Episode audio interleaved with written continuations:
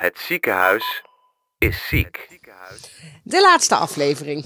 Ik ben nog even het laatste Ja. kopje koffie aan het maken. Voor tijdens de podcast dan, hè? Ja, ja, ja, Nou, ja. niet ja. het laatste Een- kopje ooit. Een Nee. podcast opnemen zonder koffie, dat kan niet. hè? Nee.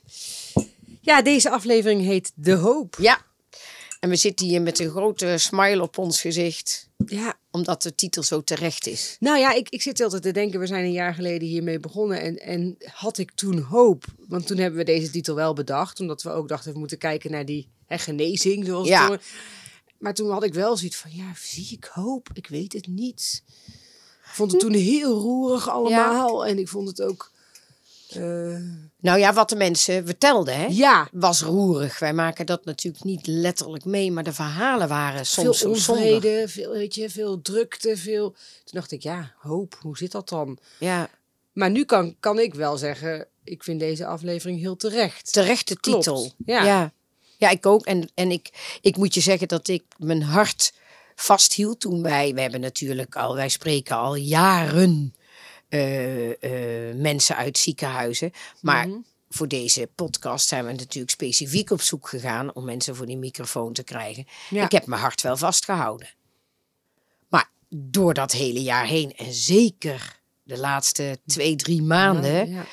denk ik, jongens, er is echt iets gaande. Los van het feit dat het problematisch is in de ziekenhuizen. hè. Ja, het is, weet je, er is personeelstekort. De Het mensen hebben het, en niet alleen de verpleegkundigen. Je ziet bij alle disciplines, Ja. het water loopt ze over de schoenen. veel zieken. Hè? We zitten nu met die griepgolf. Ja. Maar Het is gewoon, dus je ziet dat daar, ja, dat, dat dat heel veel tijd en energie kost voor mensen. Maar toch, toch, ondanks dat dan. Of misschien dankzij, want Ja, mensen zijn gaan zoeken naar Ja. het moet anders. Ja, En ik vind dat, ik vind dat heel hoopvol. Ja. Echt waar. Je ziet ook in ziekenhuizen, we zijn gisteren nog in een ziekenhuis geweest, dat andere diensten ook mee gaan helpen. ja. En dat daar iets meer saamhorigheid is. En dat, dat eh, ze, ze geïnteresseerder raken in elkaar. Ja, ik hoop, ik hoop Ja. dat, dat dit zich doorzet. En dan hebben wij.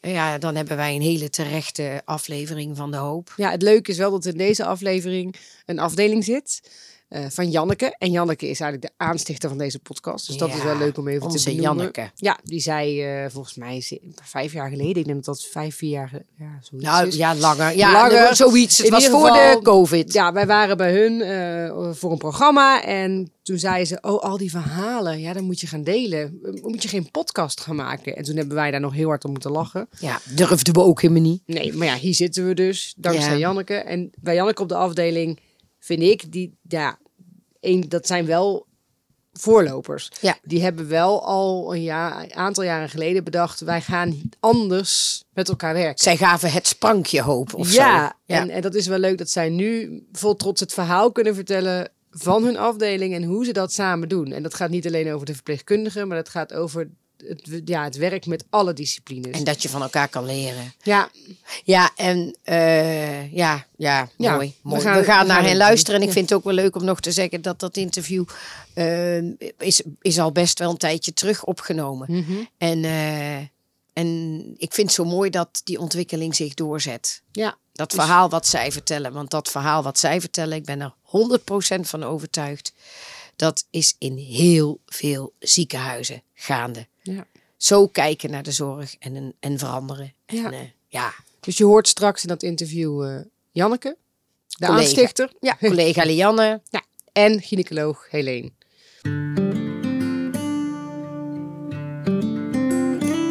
Dit zijn Corrie en Madeleine, theatermakers.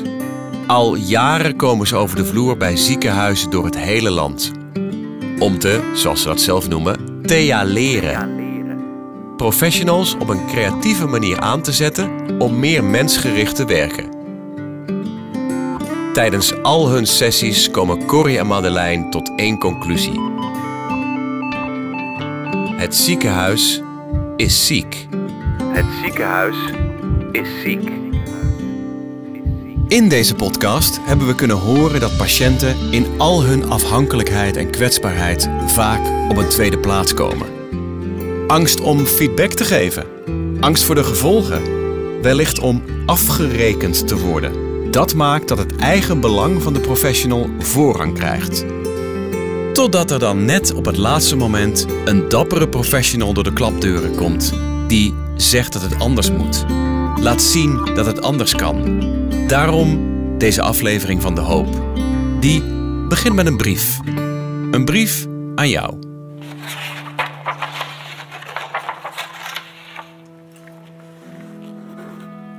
Lieve luisteraars, zoals jullie weten is het ziekenhuis ziek. Diverse behandelingen zoals injecties, tabletjes, pleisters, lieve kaartjes en mooie woorden mochten niet echt baten. Maar de laatste tijd voelen we verlichting. De pijn is wat verzacht, de wonden helen langzaam en de patiënt bloeit een beetje op. En dit allemaal dankzij de doorzetters, de kartrekkers, de volhouders. Vol daadkracht en liefde bestrijden zij de ziekte.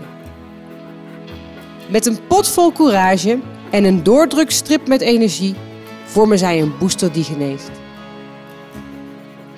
Dank aan de mensen die genezen. Die zich laten horen en vol trots de toekomst van het ziekenhuis nieuw leven inblazen. Op jullie gezondheid. En dan nu het interview met uh, Janneke, Lianne en Helene. Jullie vallen midden in het gesprek. Uh, en horen het antwoord dat Janneke geeft op de vraag van ons: van hoe kan het nou dat dat bij jullie allemaal zo goed van de grond komt als je het hebt over verpleegkundig leiderschap? Denk dat daar een stuk leiderschap vanuit ook het afdelingshoofd absoluut uh, te grondslag ligt. Want uh, als verpleegkundige werk je vaak op basis van. Nou, als ik naar mezelf kijk, werk ik 24 uur. En die 24 uur ben ik ingeroosterd aan het bed van de patiënt. Dus als ik nog een project op moet zetten, kan ik dat niet in die 24 uur doen. Ik kan niet alles in die ene dag of in die drie dagen doen.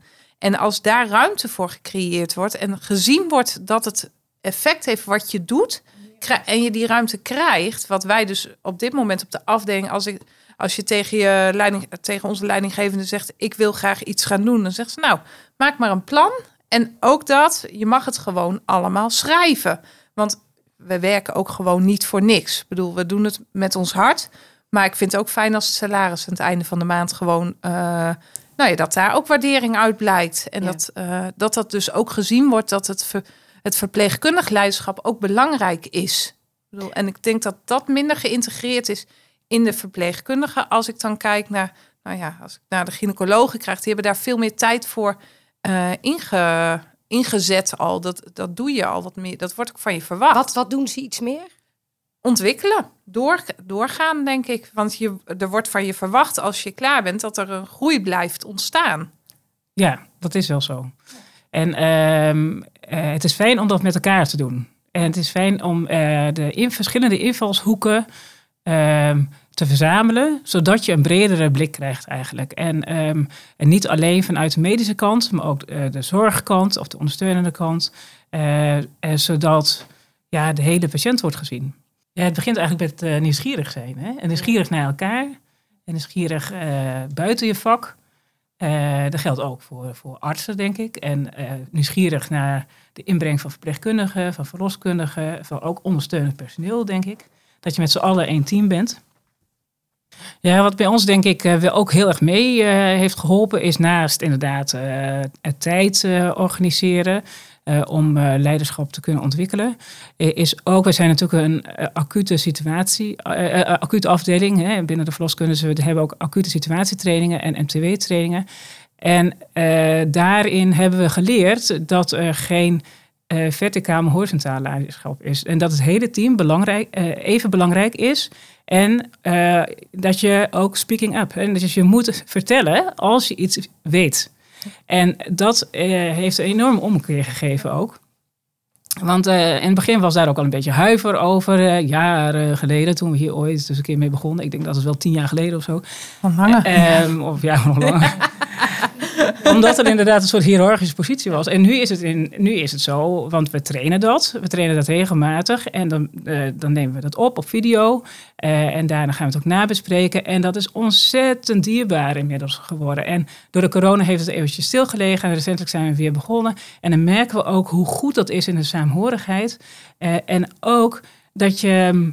eh, dat je van elkaar verwacht dat je eigenlijk gelijker bent. Inmiddels is het zo. En als je dan bijvoorbeeld iets niet zegt als verpleegkundige of als uh, co-assistent, of dat je dan zegt, ja, maar waarom heb je dat nog niet gezegd? Want je bent onderdeel van een team.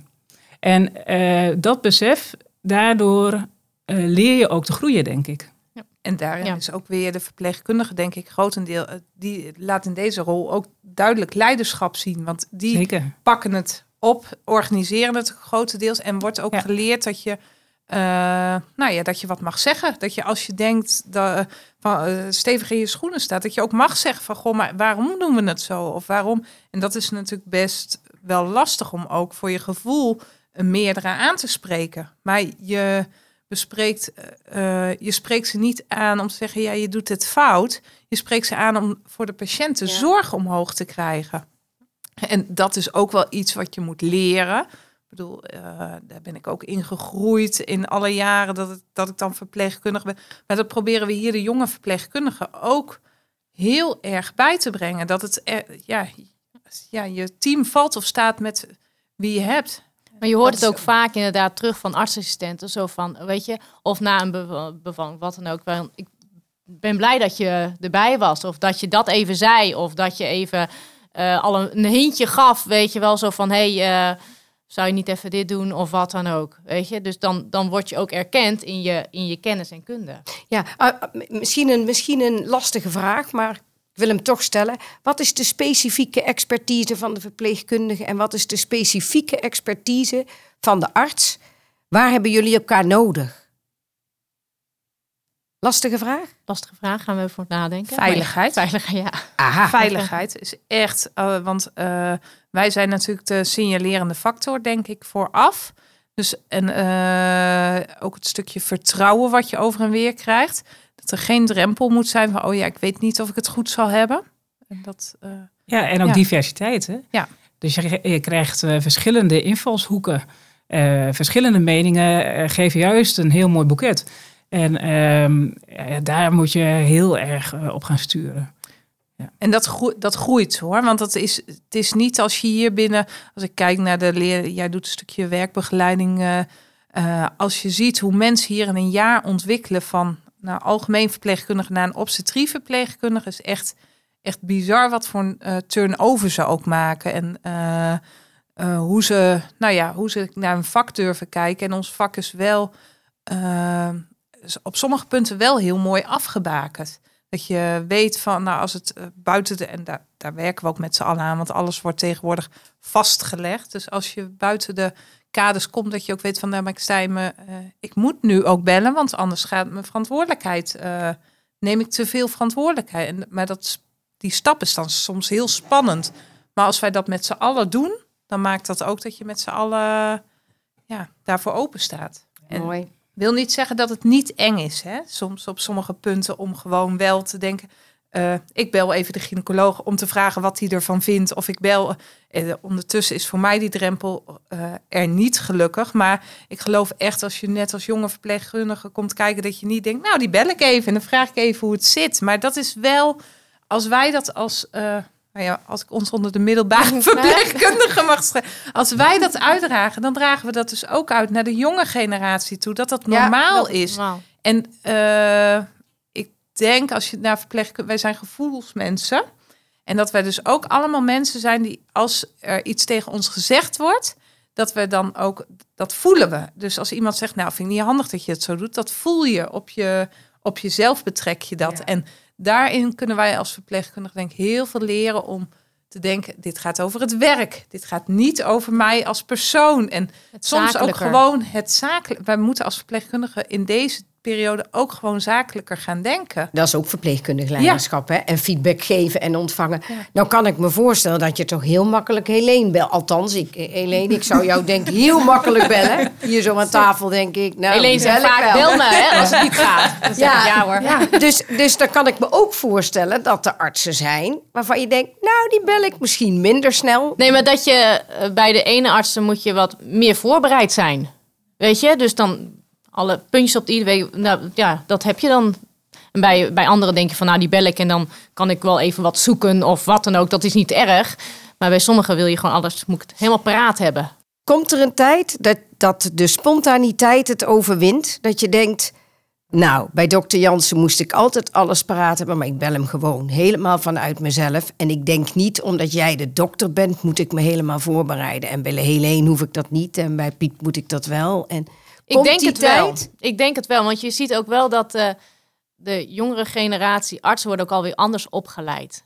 Ik bedoel, toen ik begon met werken, ik weet nog steeds wat die meneer in die koffie heeft. Weet je? Ja, dat- en, ja. en daar stond ik bijna met de jas klaar om hem aan te doen. Ja. Nou, dat, dat weet ik eigenlijk van Helene weet ik niet hoe ze de koffie deed. Helene, krijg jij s'morgens je Gewoon zo jas? eh, Bij deze. ja, kijk, ik. Nee, maar dan praat ik over 15 jaar terug. ja, ja, dat is, vind ik nog niet eens zo lang geleden. Hè. Daarom. 15 jaar. de- Maar Helene, kijk het naar ik. jou. Hè. Jij bent dan een hele toegankelijke arts. Wij hebben heel even voor Ja. deze opname met elkaar gesproken. En toen dacht ik, oh, ik moet er in de kraag vatten, want we kunnen nog veel meer bij jou halen. Ehm, bespreken jullie dat onderling?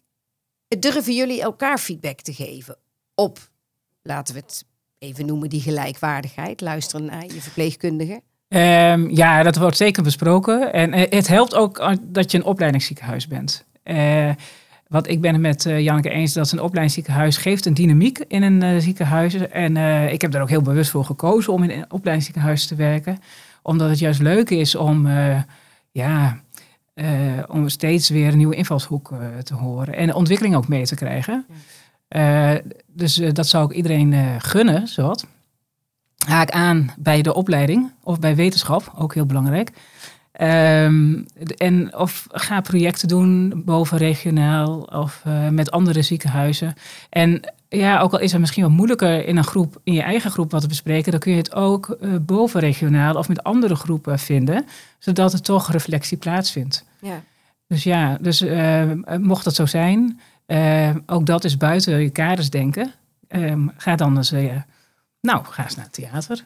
Ja, ga eens, ga eens feedback geven. Ga eens, ja. Dat eerst theatraal, eh, op theatrale wijze en laat het daarna je, je natuur worden. Hè? Ja. Ehm, dit alles, dat is natuurlijk een prachtig verhaal. Het is ook echt, echt een goed verhaal voor de aflevering van De Hoop, dat is duidelijk.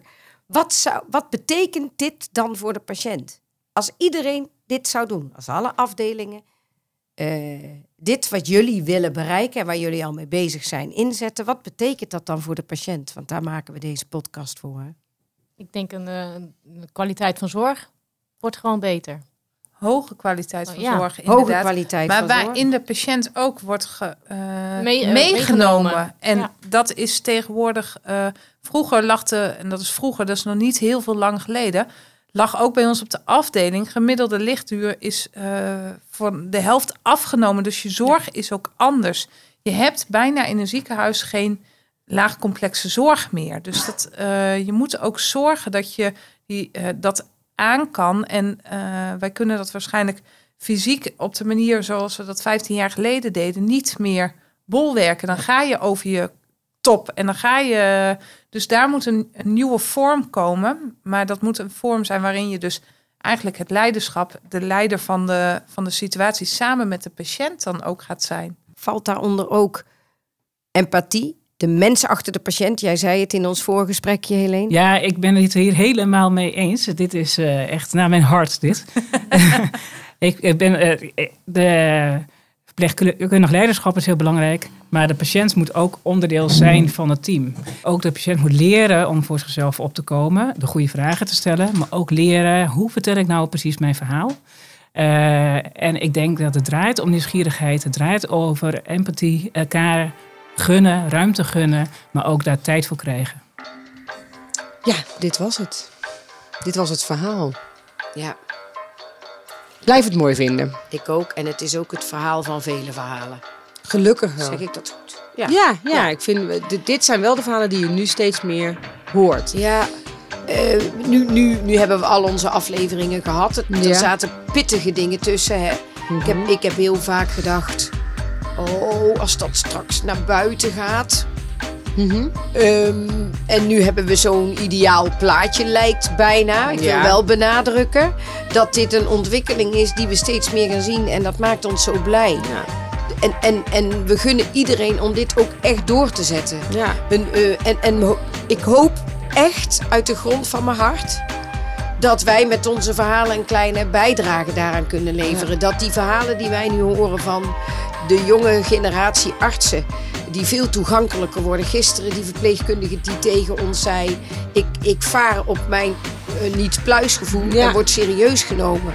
Ja, dat wordt ook Eh, echt gewoon eh, ja, veel ik bel nu, want ja. ik vind dat ik nu moet bellen en dan laat ik die S-bar maar even achterwege. Ja. Of, Maar ook de ondersteunende diensten die steeds vaker echt een rol krijgen in, Ja. het, eh, in het patiëntenproces. Hè? Eh, Die ook zeggen van, oh ik vraag even aan de dokter of ik mee kan Ja, lopen ja. met, eh, met de visite. een meisje die zei: wil graag meelopen met de visite. Mag Ja, natuurlijk. Maar waardoor je veel meer van elkaar leert en ook veel meer in elkaars schoenen gaat staan. Nou, dat is ook wat Helene zegt. ja, het nieuwsgierig zijn. naar elkaars werk. En dat vind ik, vind ik veel tastbaarder worden nu.